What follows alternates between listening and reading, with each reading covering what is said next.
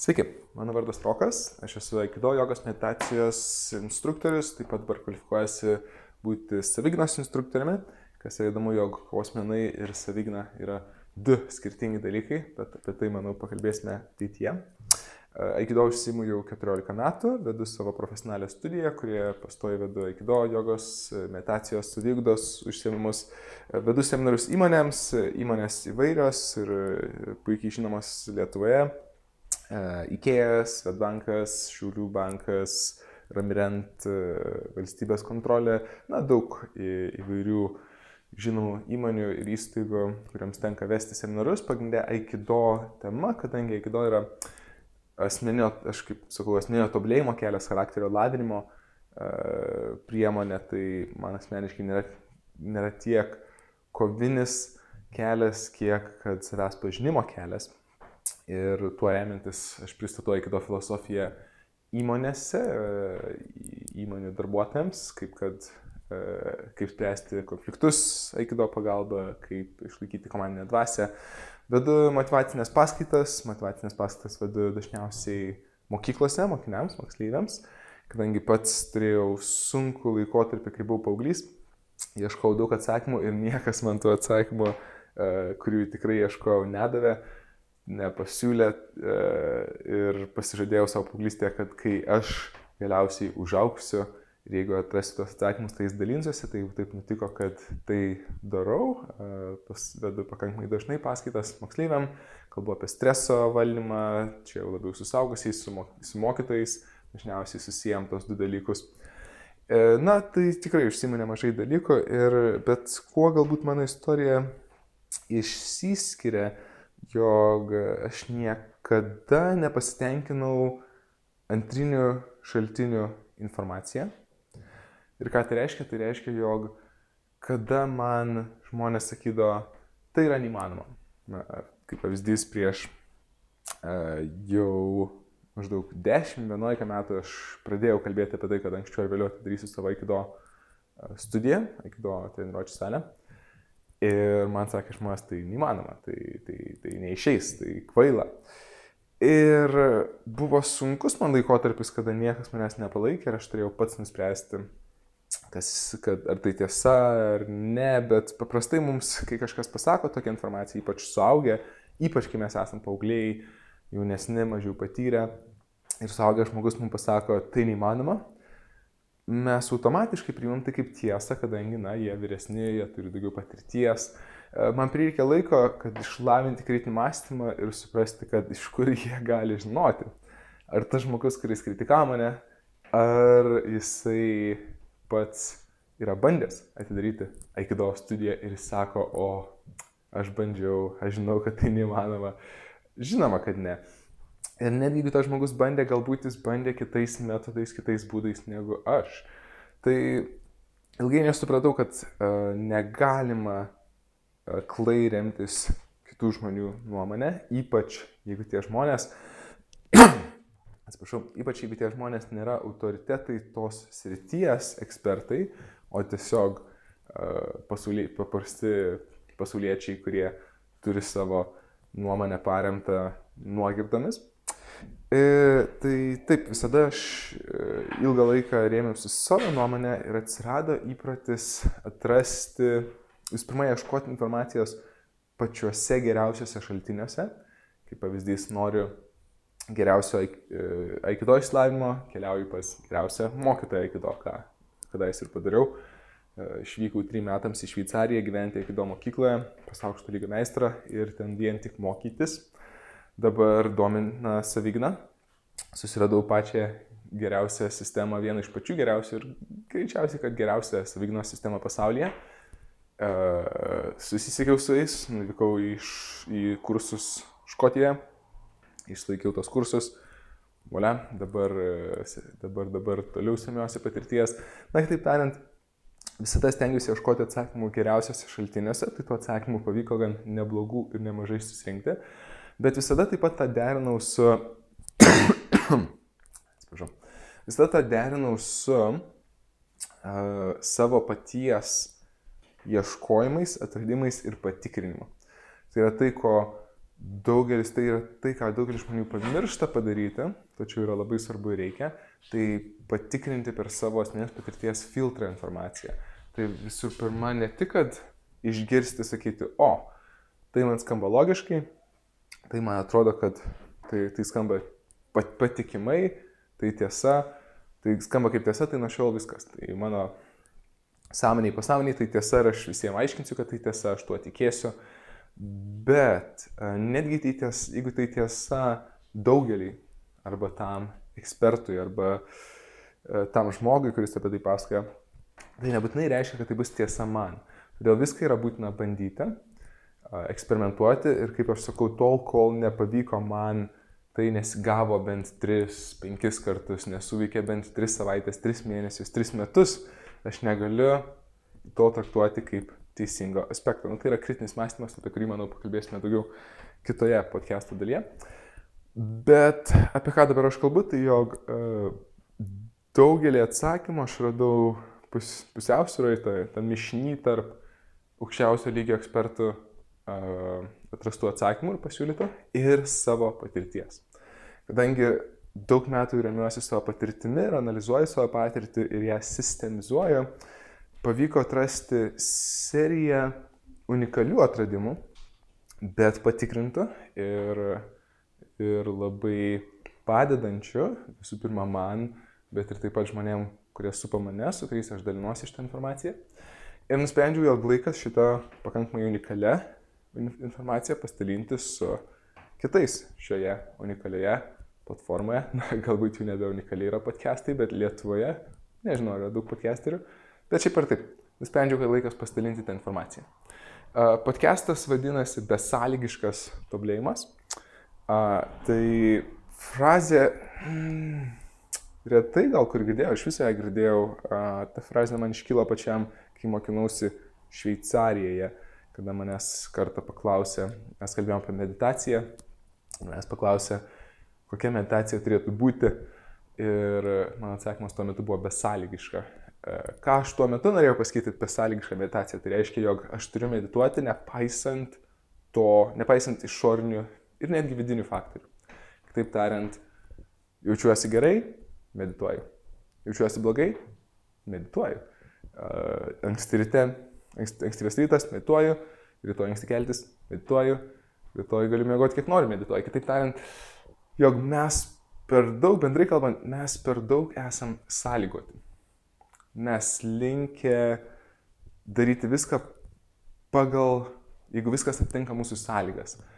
Uh, tai yra daug temų, kurias aš norėsiu podcast'e paliesti ir dabar vieną kitą nuorodą tik duosiu ateities gili, giliau nagrinėjamas temas, bet viena iš tų temų yra, jog aš linkęs savo motivacinėse seminaruose, aš sakau, jog e, viena didžiausių klaidų, apie didžiausias klaidas mes šiandien dar kalbėsime, bet viena iš didžiausių klaidų, jų yra daugiau nei viena, yra daryti kažką tik tada, kada mes esam motivuoti. Nes motivacija yra nepastovus dalykas. Vieną dieną mes būsime motivuoti, kitą dieną mes nebūsim motivuoti, trečią dieną nebūsim motivuoti. Motivuoti mes būnam retai. Ir jeigu mes darysim kažką tik tada, kada esame motivuoti, tada mes darysime tai retai ir nieko daug reikšmingo savo gyvenime nepasieksime. Panašia tema šiandieną kalbėsime, bet, bet čia yra paaiškinimas, kas yra tas besąlygiškas tobulėjimas. Tai besąlygiškas tobulėjimas reiškia, tai yra mokymasis veikti, tobulėti, siekti, pasiekti nepaisant to, kas vyksta aplinkui. Dažniausiai mes a, savo tobulėjimą sąlygojame. Lyja lietus, ai, nebėgsiu, neįsiu treniruotę. Saulė šviečia labai karšta, ai, per karšta. Mm, šiandieną pavargęs. Ir be abejo yra tam, tik, tam tikros ribos, bet akimirkai bent įsivaizduokite, kas būtų ir kokį mes gyvenimą gyventumėm, jeigu mūsų tobulėjimas būtų besąlygiškas. Jeigu mes nuspręstumėm, kad kažką darome ir tai darytumėm nepaisant to, kas vyksta aplinkui. Nepaisant to, kaip mes jaučiamės, kiek mes žymiai daugiau pasiektumėm. Man pasisekė dėl įvairių priežasčių, jog, jog šio būdo mąstymas man yra labai artimas, man yra priimtinas, aš, aš taip gyvenu, aš taip elgiuosi. Jeigu aš pasakiau, kad rytoj atsikelsiu ketvirtą ryto ir eisiu pasitreniruoti į lauką su japoniškais ginklais, kai minus 25 laipsniai, taip yra buvę, aš taip daug, daug daugiau nei vieną kartą sudaręs, aš žinau, kad taip ir bus.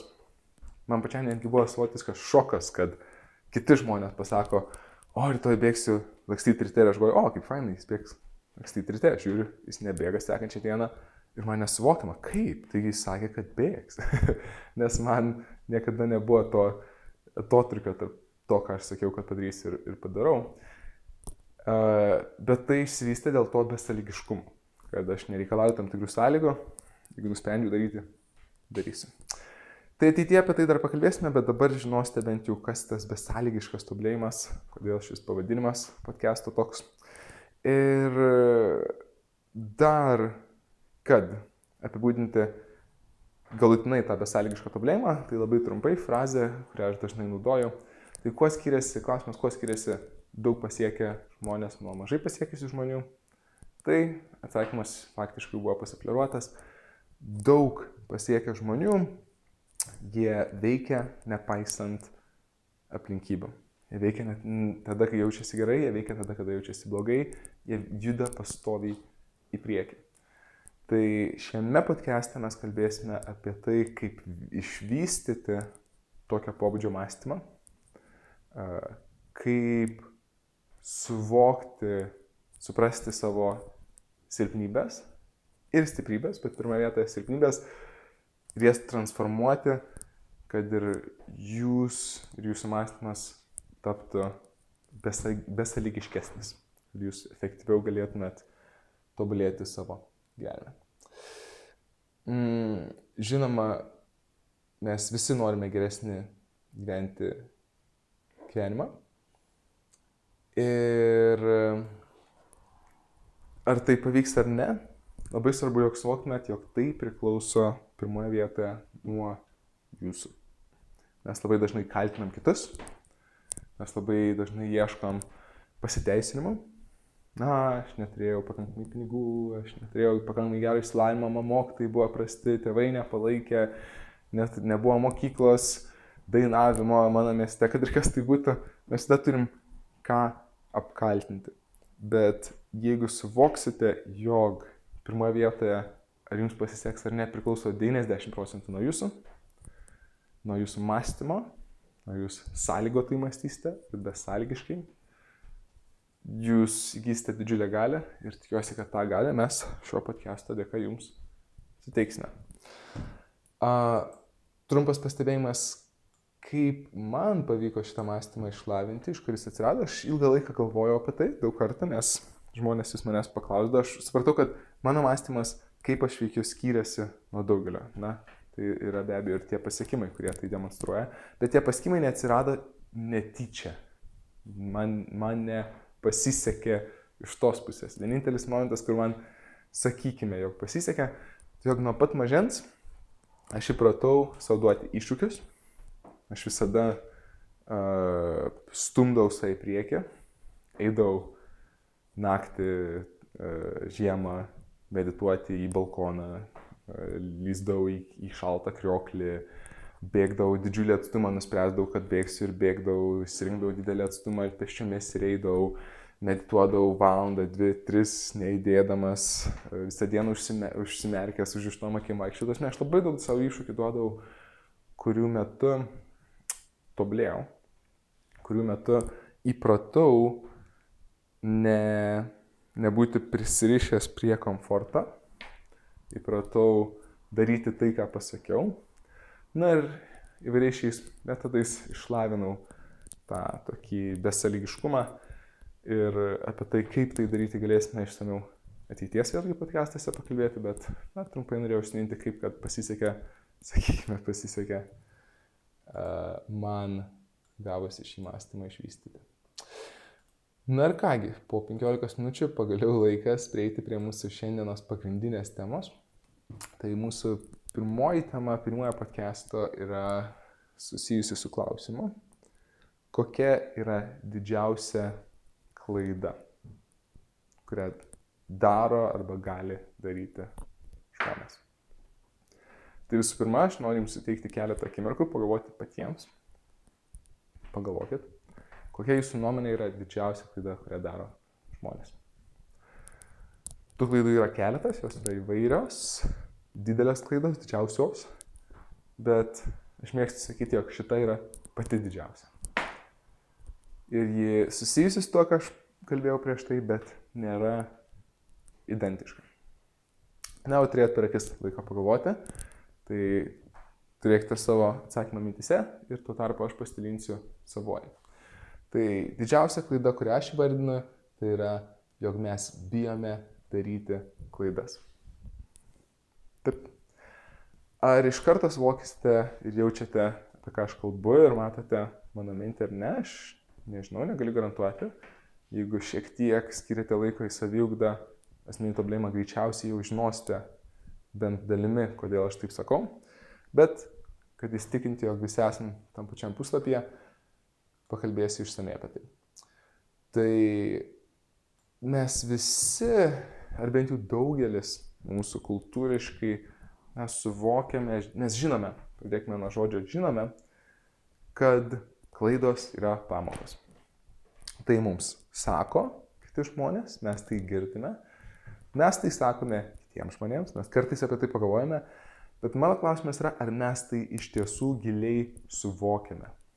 Ar tai mums yra esminis suvokimas, jo klaidos yra pamokos. Deja, atsakymas yra ne ir akivaizdžiai, nes mes vengiame klaidų, mes bijome klaidų ir mes kaltiname kitus ir, ir baudžiame už klaidas. Retai mes sutikiam, ar retai žmonės mums sutikia erdvę klysti, mokytis pradedant nuo mokyklos. Ką kalbėti apie tėvus, apie šeimą, priklausom nuo šeimos, bet daugelis šeimų yra standartinio tipo, daugelį šeimų klaidos buvo blogos, už jas buvo baudžiama.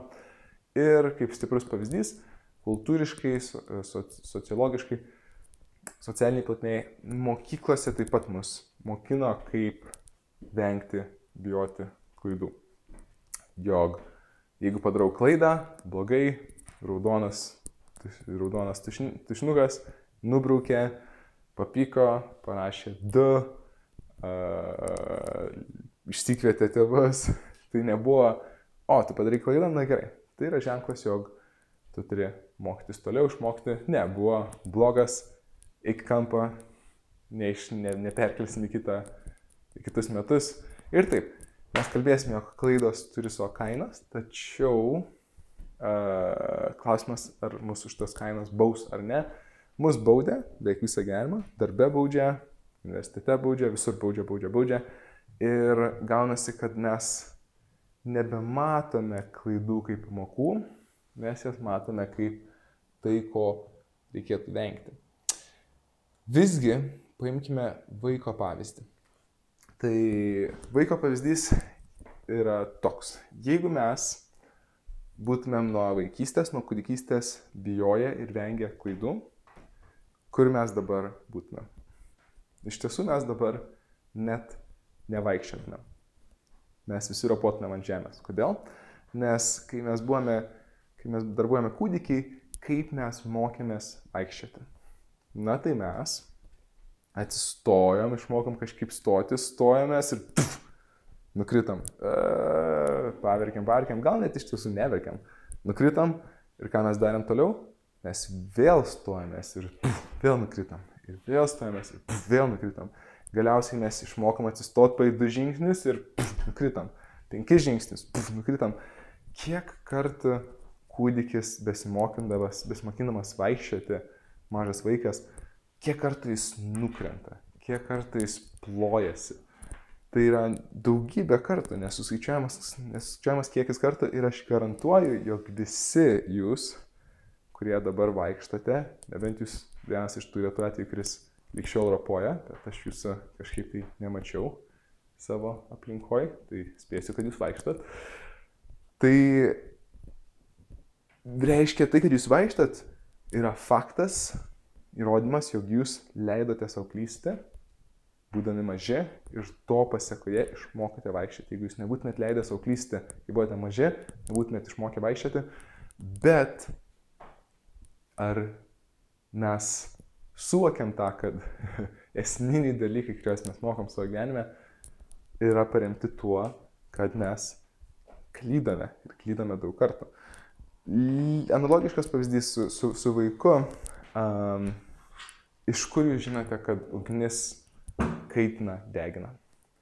Ar jums būtų užtekę išgirsti iš kito žmogaus, jog čia karšta, čia neliesk? Kaip mes vaikystėje sužinojom, kad tai tiesa? Pšt, au, mes tai palėtėm, sužinojom, kad tai karšta, Nes taip pat daugelį dalykų išmokome vaikystėje leisdami savo klysti.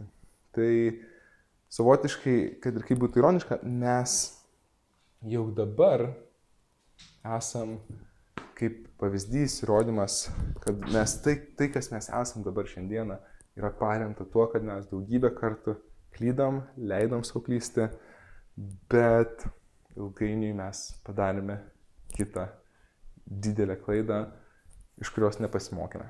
Apie ją pakalbėsime. Klausimas, kada mes, jeigu esame mes drąsūs ir, ir leidžiame savo klysti, savotiškai yra, iškyla klausimas, ar, mes, ar tai yra drąsa ar kvailumas. Ar jeigu mes leidžiame savo klysti ir mokomės iš klaidų, ar mes esame drąsūs kad tai darome, ar mes esame kvaili ir dėl to tai darome. Ir yra puikia istorija, kuri man visada primena šitą, šitą santykį tarp drąsos ir kvailumo.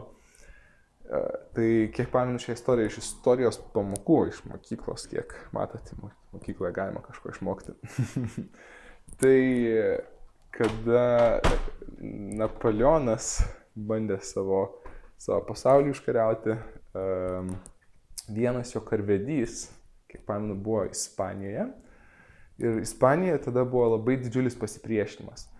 Ir konkret, tam tikras konkretus miestas, visas miestas, partizanai, jie kovojo, nepasidavė, nors neturėjo šansų išgyventi, išlikti, bet jie be galo kovojo iki, iki paskutinio mirties lašo. Ir tas karvedys galiausiai jau po mūšio ėjo to miesto gatvėmis, kur visi visi buvo jau pasikloja ant žemės, krūvinas gatvės, daugybė lavonų. Ir tas karvedys žiūrėjo juos, tuos, tuos mirusius kovotojus ir savo uždė klausimą. Kad tai sako, aš nesuprantu. Arba jie yra be galo, be galo drąsūs ir dėl to jie visi taip kovoja ir miršta, arba jie tiesiog be galo kvaili. tai šita istorija, na, tokia, wow, iš tiesų, žiūri istorija, bet bet ji man vis primena, kad taip, kartais yra, yra santykis, savotiškas santykis tarp kvailumo ir, ir, ir drąsos, kad tai kartais yra arčiau nei toliau. Ir kartais kai kurie žmonės daro mūsų akimis drąsius dalykus ne dėl to, kad jie išdrįsta, bet dėl to, kad jie tiesiog nežino, kas, kas, kas jų laukia, jie nežino, E, pasiekmių, jie nežino, kad gali tenais būti blogai. A, tai dėl to aš trumpai išsiminsiu, ateitie žadu kalbėti apie baimę, daryti podcastą konkrečiai apie baimę, baimės valdymą, suvokimą baimės. Bet a, tai čia bus čia potėme iš, iš tos didžiosios temos, bet, bet jis susijusi su šitą temą. Tai baimė e, ir drąsa, tai kas yra drąsa?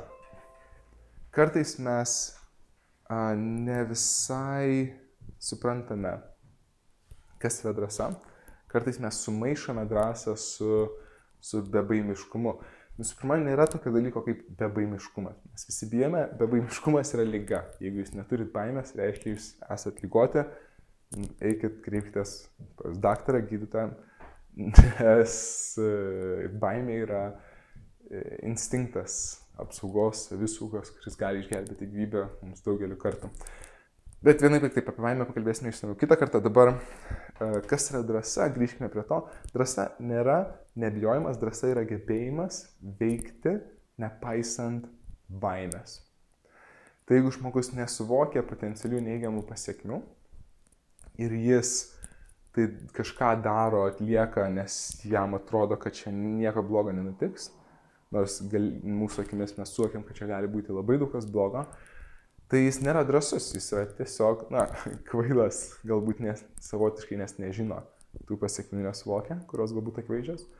Iš kitos pusės jisai yra, jisai, tai kaip minėjau, jis nėra drasus, nes jam nereikia veikti baimės. Drasus žmogus yra tas, kuris turi baimės, suvokia potencialias neigiamas pasiekmes, bet vis tiek veikia nepaisant to. Tai dabar, kadangi suprantate jau, kas yra baimė, drąsa, kvailumas, tai noriu atskleisti sekančią didelę temą mūsų potinę šioje temoje. Tai amžiaus problema. Tai prieš tai aš kalbėjau apie kūdikį, kuris stojasi, krenta, stojasi, krenta ir galiausiai išmoksta aikščiai. Tas kūdikis buvo atejus, tas kūdikis buvo aš, tas kūdikis buvo beveik visi žmonės, kuriuos jūs pažįstate. Kas pasikeitė? Kodėl mes ne, nebesiekėm taip pat kakliai savo tikslo, nebeleidžiam savo taip klysti? Tai savotiškai galima sakyti amžius, uh, nors tai nėra vien, vien konkrečiai amžius, bet, bet kodėl tai galima padinti amžiumi? Amžius, nes amžius yra lygus daugelį atžvilgių patirčiai.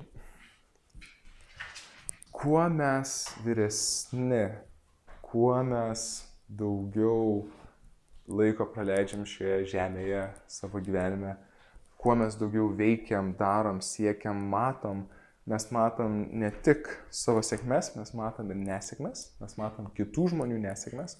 Kuo mes ilgiau gyvename, tuo daugiau pamatom, kas yra kas yra įmanoma, bet juo labiau kas yra neįmanoma. Mums kažkas, kuo, kuo mes vyresni, tuo mes daugiau kartų, tuo mums daugiau kartų kažkas nesigavo. Tuo daugiau kartų mes pasijutam nemaloniai susimovę, padarę tam tikrą klaidą. Tuo mes daugiau matėm pasiekmių. Tuo mes daugiau suvokiam, kaip gali viskas baigtis blogai. Čia yra paaiškinimas, dėl ko daugelis jaunų žmonių yra drąsesni už vyresnius Tai ne dėl to, kad jie iš tiesų drąsesni, bet iš tiesų dėl to, kad jie tiesiog žino mažiau pasiekmių, jie mažiau suvokia, kas gali nutikti blogo ir jiems yra lengviau kažką nuveikti.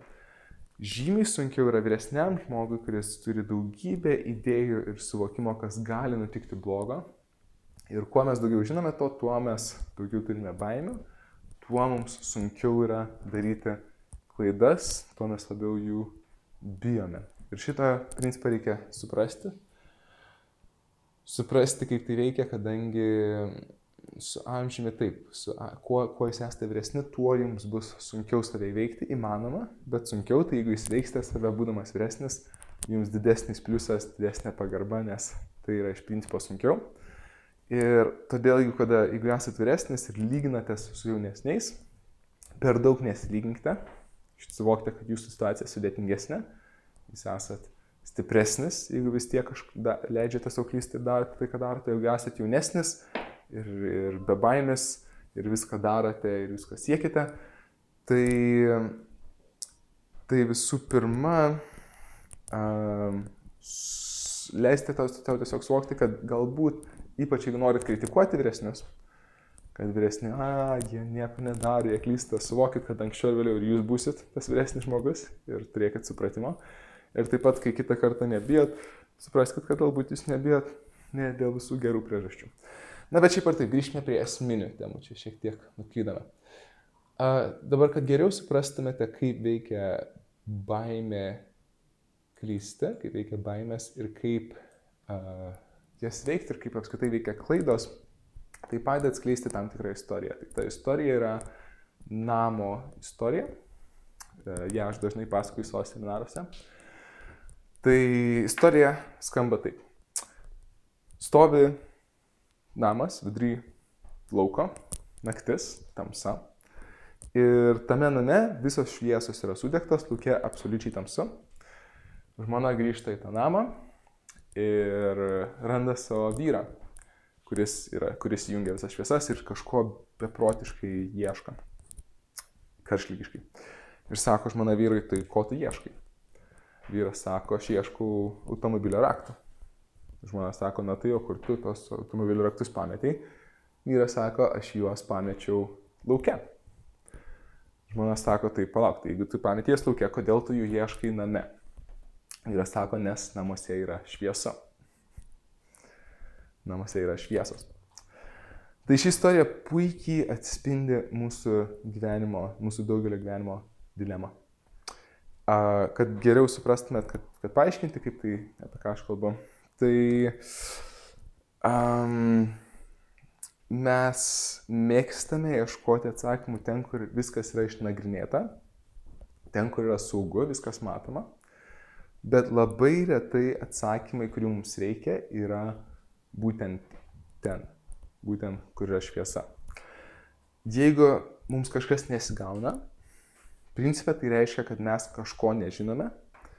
Jeigu kažko mes nežinome, tai reiškia, greičiausiai yra už mūsų patirties lauko ta informacija, už mūsų komforto zonos, už mūsų patirties lauko reiškia, mums reikės išeiti iš to komforto zonos, kad rasti tą atsakymą, surizikuoti, išbandyti kažką naujo.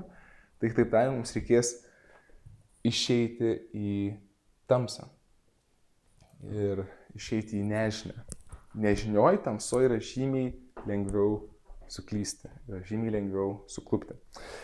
Tai ką aš bandau jums atskleisti, jog uh, labai dažnai mes mėgstam vadovautis informacija, kuri yra uh, ne kuri yra iš pirmo iš, iš, iš tiesų nepatikima, nes labai dažnai nusprendžiame, kad kažkas veikia ar kažkas neveikia, to net nepabandę.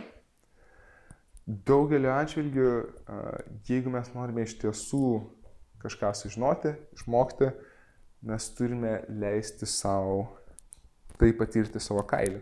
Nėra jokios kitos tokios stiprios patirties, kaip patirties, kurią pabandote patys. Trumpai pakalbant apie tai, kodėl mes bijome klaidų, atsakymas yra ganėtinai paprastas, bet ne visų išvelgiamas, e, tai dėl to, kad mes iš prigimties esame užprogramuoti vengti diskomforto. E, tai yra ilga istorija, apie diskomfortą mes kalbėsime dar ateityje, bet principas yra, jog mes žymiai daugiau padarysime tam, kad išvengti diskomfortą, negu kad pajausti malonumą. Tai yra psichologinis principas, žmonės tai veikia ir mes labai nemėgstame diskomfortą tiek dėl uh, fiziologinių, psichologinių priežasčių, tiek dėl mūsų kultūrinio mokymo. Mes, uh, mūsų nuo mažens mokė vengti diskomfortą. Kaip ne apie tai dar pakalbėsime, bet jeigu jau matote tą netiesą, jog taip, klaidos yra vienas iš nemaloniausių dalykų mūsų gyvenime. Klaidas yra nemalonu daryti, mes jaučiamės blogai, dažniausiai mes padarius klaidą atkreipiam į save dėmesį, graužiam mus savig, tam tikra savigraužos forma atsiranda, klaidos dažniausiai iš principo nėra malonės, tai galima perprogramuoti ir ties to aš rekomenduočiau dirbti. Faktiškai mes tai jau darome dabar, kai aš kalbu. Bet čia iš kitos pusės, ir netgi iš tiesų kalbant apie tą perprogramavimą, čia eina kalba apie trumparegiškumą. Dar vieną įdą ir, vadinkime, lygotą mąstymą mūsų kaip žmonijos, mes kaip žmonės esame trumparegiai. Paprasčiausi pavyzdžiai, tai mes mm, padarė kažkoks, mes padarėme devynis dalykus gerai, labai puikiai, ir dešimtame dalyke, dalyke susimovėme, žmonės už ką mus atsimins, atsimins už tą dešimtą blogą dalyką, visų pirma, nes jie labai greitai pamirš gerus dalykus, kuriuos padarėm, dėl savotiškai iš dalies, ne, vis, ne visiškai vien dėl to, bet iš dalies dėl trumparegiškumo. Nes mes matome tik tais tai, kas yra dabar prieš mus, mes nelinkę prisiminti, kas buvo prieš tai. Trumparegiškumas atsispindi mūsų visuomenėje, aplinkoje, kultūrai.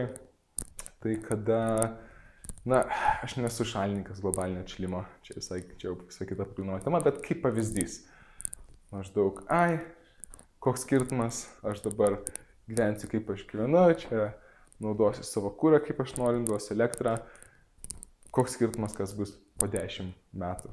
Dabar išleidau visus pinigus, dabar man gerai, o po to kas, oi, skauda kelią, pradeda skaudėti kelią, pradeda skaudėti dantį, paimkime pavyzdį dantį.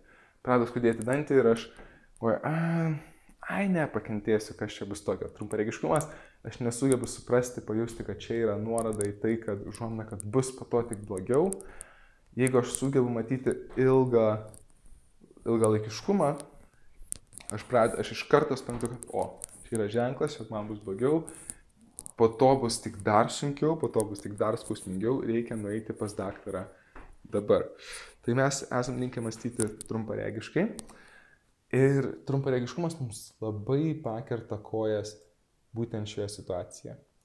Kaip? E, vengiant to diskomforto, vengiant klaidų, nes mes aukojame, mes mm, vengiame trumpalaikio diskomforto, tos klaidos, mes nenorim dabar apsikvailinti, nemaloniai atrodyti, bet e, nesuvokdami, kad taip mes aukojame pamoką, kuri, iš kurios mes po to formuosimės, kuri, kuri po to padės mums uh, suvokti, kaip veikia geriau pasaulis, su, išmokti pamokas, kurių mums reikia, mes uh, nepadarę tos klaidos, mes dabar pasijausime maloniau, bet ilgalaikiu kampu mes ilgainiui ateityje mes jausimės prastai po to, nes neišmokę tos pamokos mes a, nesuvoksime tam tikros informacijos, kurios mums reikia.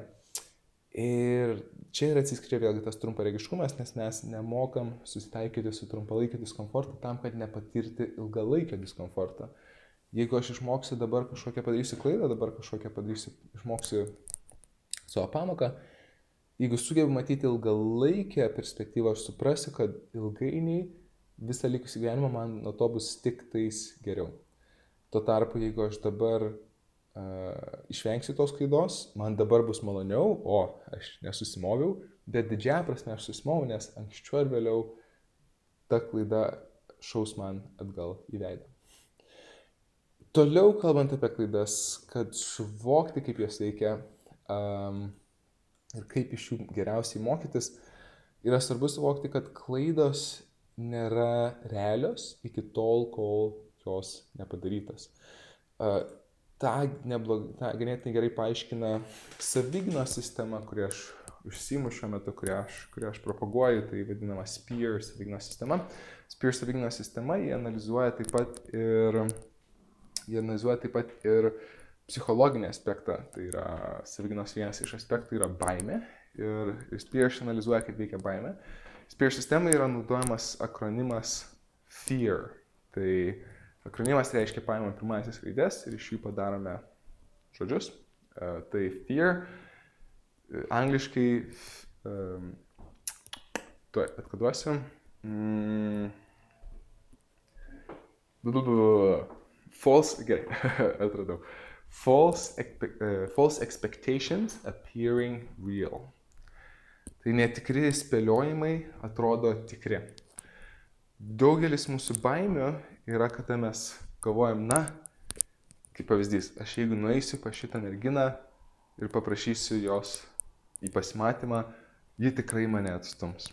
Jau mane trys merginos atstumė, tai ir jinai mane atstums. Arba netgi Bet ir tai čia jau yra kažkiek informacijos, na, trys merginos. Tai dažniausiai mes tų trijų net merginų neturėjom, dažniausiai mes tiesiog nusprendžiam, kad, ai, mane atstums, aš įsitikinęs.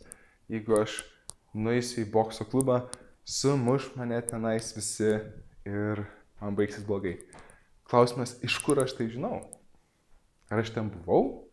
Ar aš buvau šimtame bokso klubų ir visur mane sumušė ir dėl to aš galvoju, kad ir šimtas pirmame tai bus. Netgi tai yra netiesa, netgi galbūt tas šimtas pirmas bokso klubas bus kitoks nei kiti.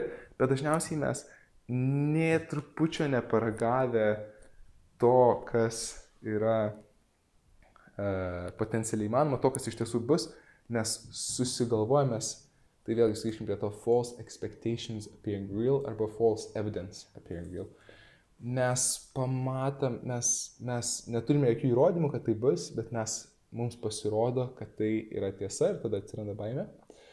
Bet esmė, kad mes, ar tai iš tiesų klaida ar ne, nesužinosime iki tol, kol to nepadarysime. Matot, kartais klaidos gali būti sėkmė paslėpta už mūsų baimingų įsitikinimų.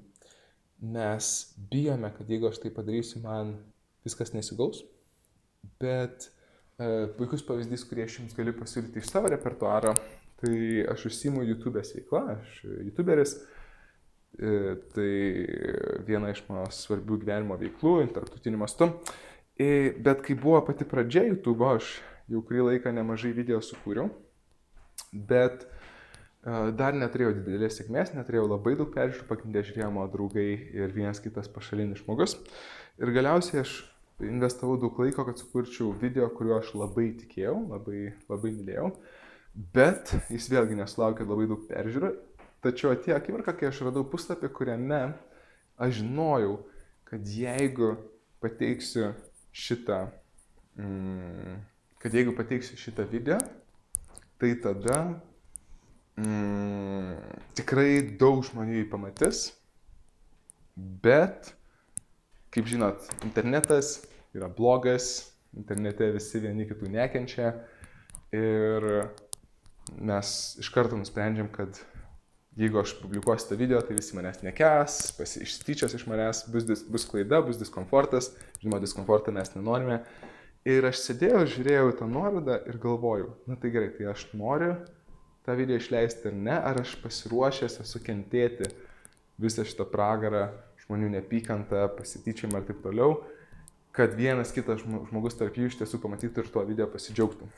Ir aš nusprendžiau, žinai ką, aš leisiu savo suklysti ir išleidau tą video. Išleidau, paspaudžiau ir išėjau iš namų, nes jau turėjau važiuoti užsienimus. Ir, ir, ir sakau, na, ką čia, ką čia, kodėlgi ne, paimsiu ir atsidarysiu ir pasižiūrėsiu visgi kaip tenais ta statistika, kas ten, kas ten vyksta ir žiūriu, o, mano nuostabai daugybė peržiūrų. Tai tuo metu 1700 peržiūrų per kelias valandas man buvo daug. Sakau, wow, tai iš kur čia nais tokios peržiūros, aš nesu tiek matęs dar. Ir galvoju, na gerai, bet visi žiūri ir visi nekenčia. Įsijungiu puslapį, kuriame pasidalinau, žiūriu, visi žmonės, faktiškai visi 99 procentai, ne 100 procentų, visi, visiems žmonėms patiko tas video. Visi žmonės džiaugiasi tą video, jį, jį labai, uh, jį labai gyrė ir, ir dėkoju už jį. Ir aš sėdėjau ir supratau, kad wow.